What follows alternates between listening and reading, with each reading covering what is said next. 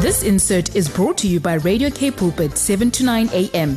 Please visit kpulpit.co.za.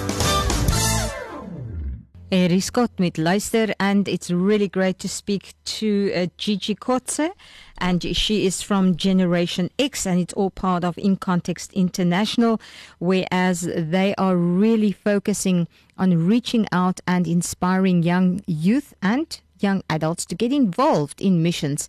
And she also runs the In Context social media platform and write articles from time to time. It's really great to have you here with us. How are you doing, Gigi? Hi, yeah, thank you so much for having me. I appreciate it so much. And yeah, I'm doing well. Thanks for asking. I am excited because you recently went um, on an outreach with, with um, Gustav Cross, and it, you went to Nepal and also to Bhutan. Um, and we're curious to know as to how this whole um, visit went. Yeah, so the visit went very, very well. Um, I was very thankful to be able to go because to be go, able to go on such trips, you know, the Lord really just goes before one and provides in such a miraculous way. Um, but yeah, the purpose of these trips specifically was to do member care for missionaries that are on this, uh, that face, um, yeah, a battle on the field that side, and to really just encourage them um, emotionally and spiritually in the work that they're doing on the front line so in Nepal specifically, we visited with two South African missionary families there that have been working there um, for three to five years now already. Um, we visited with some Hindu converts as well. It was just, it was such a blessed time of ministry and encouraging one another in the work that we do for His kingdom and for His glory.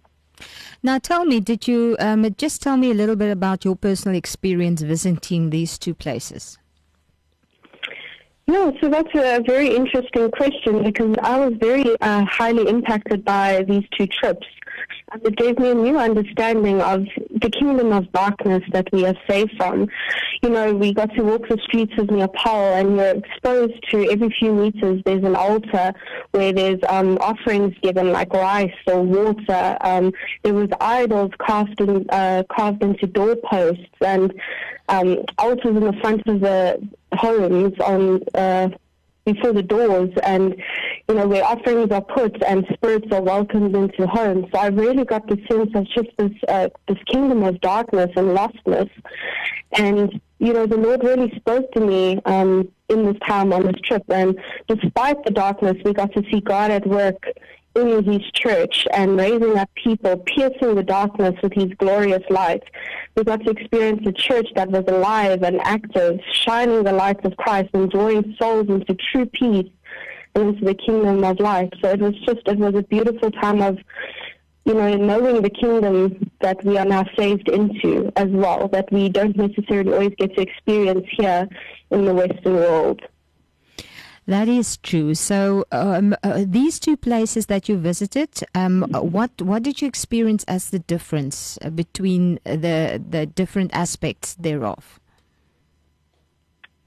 Between the two countries. Yes. So Nepal is uh, predominantly Hindu, and Bhutan is predominantly Buddhist. So Nepal, people are allowed to believe in Jesus, but there are anti-conversion laws, um, so you're not allowed to share your faith as a Christian. But in Bhutan, it's a completely different um, country.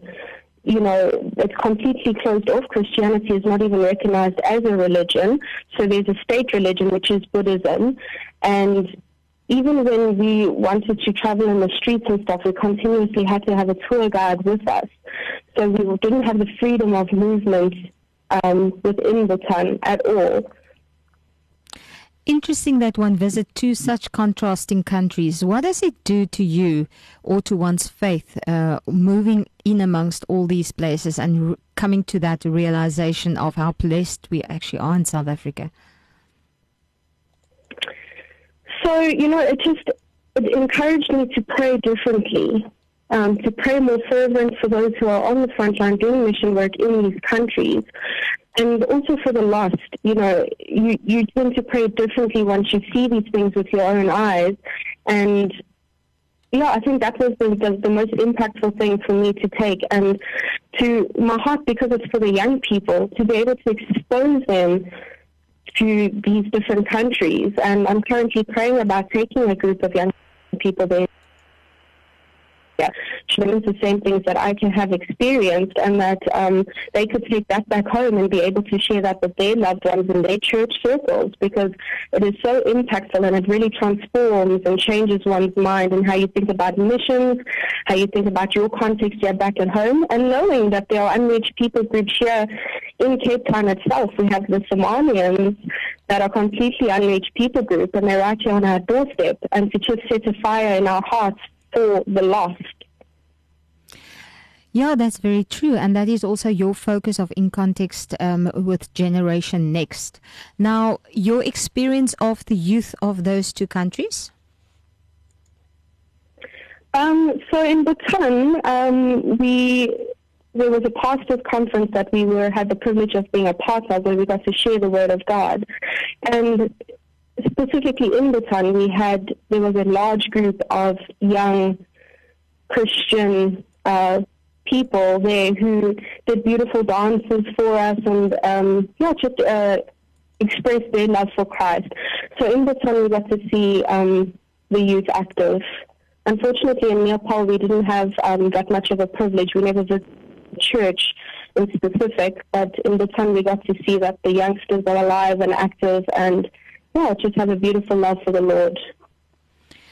And then again, how does that um, affirm your faith? And what are we spoke or you touched on aspects of reaching out with Generation next year and uh, getting a, maybe a group together to go. But in your personal life, um, you say that you're going to pray differently. Um, what are the aspects that God laid on your heart? So the aspects that the Lord have has laid on my heart is um, yeah, for the faithful workers who are on the front line, who labor for the sake of the gospel, for the harvest field, um, you know, we know the scripture so well. The harvest is plentiful and the workers are few. And I definitely experienced that, um, you know, in a real way. And then also for South Asia to come to know the true Prince of Peace and for spiritual strongholds in that region to be broken to the spiritual warfare of his children. Um, so those are the three aspects that just, yeah, that really pierced my heart. And um, may God inspire you, and may your generation next go out and uh, change the world for Christ as well. And uh, here in Cape Town, how is it going with Generation Next? What are the things that people can get involved with?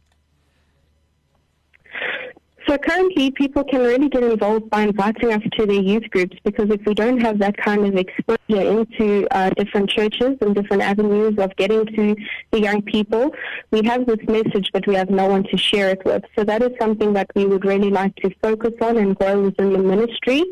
And then also um, for the youngsters to follow us on social media to get involved um, through commenting, and then they get to see all the things that we are up to.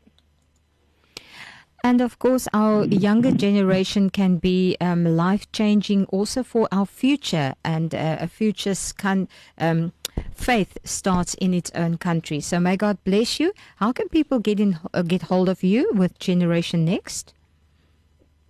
Yeah, they can just uh, email me at gigi at incontextinternational.org. Thank you very much, Gigi, and uh, may you be blessed. Have a wonderful weekend. Stay warm. It is going to get quite chilly, apparently. Yes, thank you so much for this privilege. I really appreciate it. Only a pleasure. Have a lovely day. Bye-bye. Bye. God bless. This insert was brought to you by Radio K Pulpit, 7 to 9 a.m. Please visit kpulpit.co.za.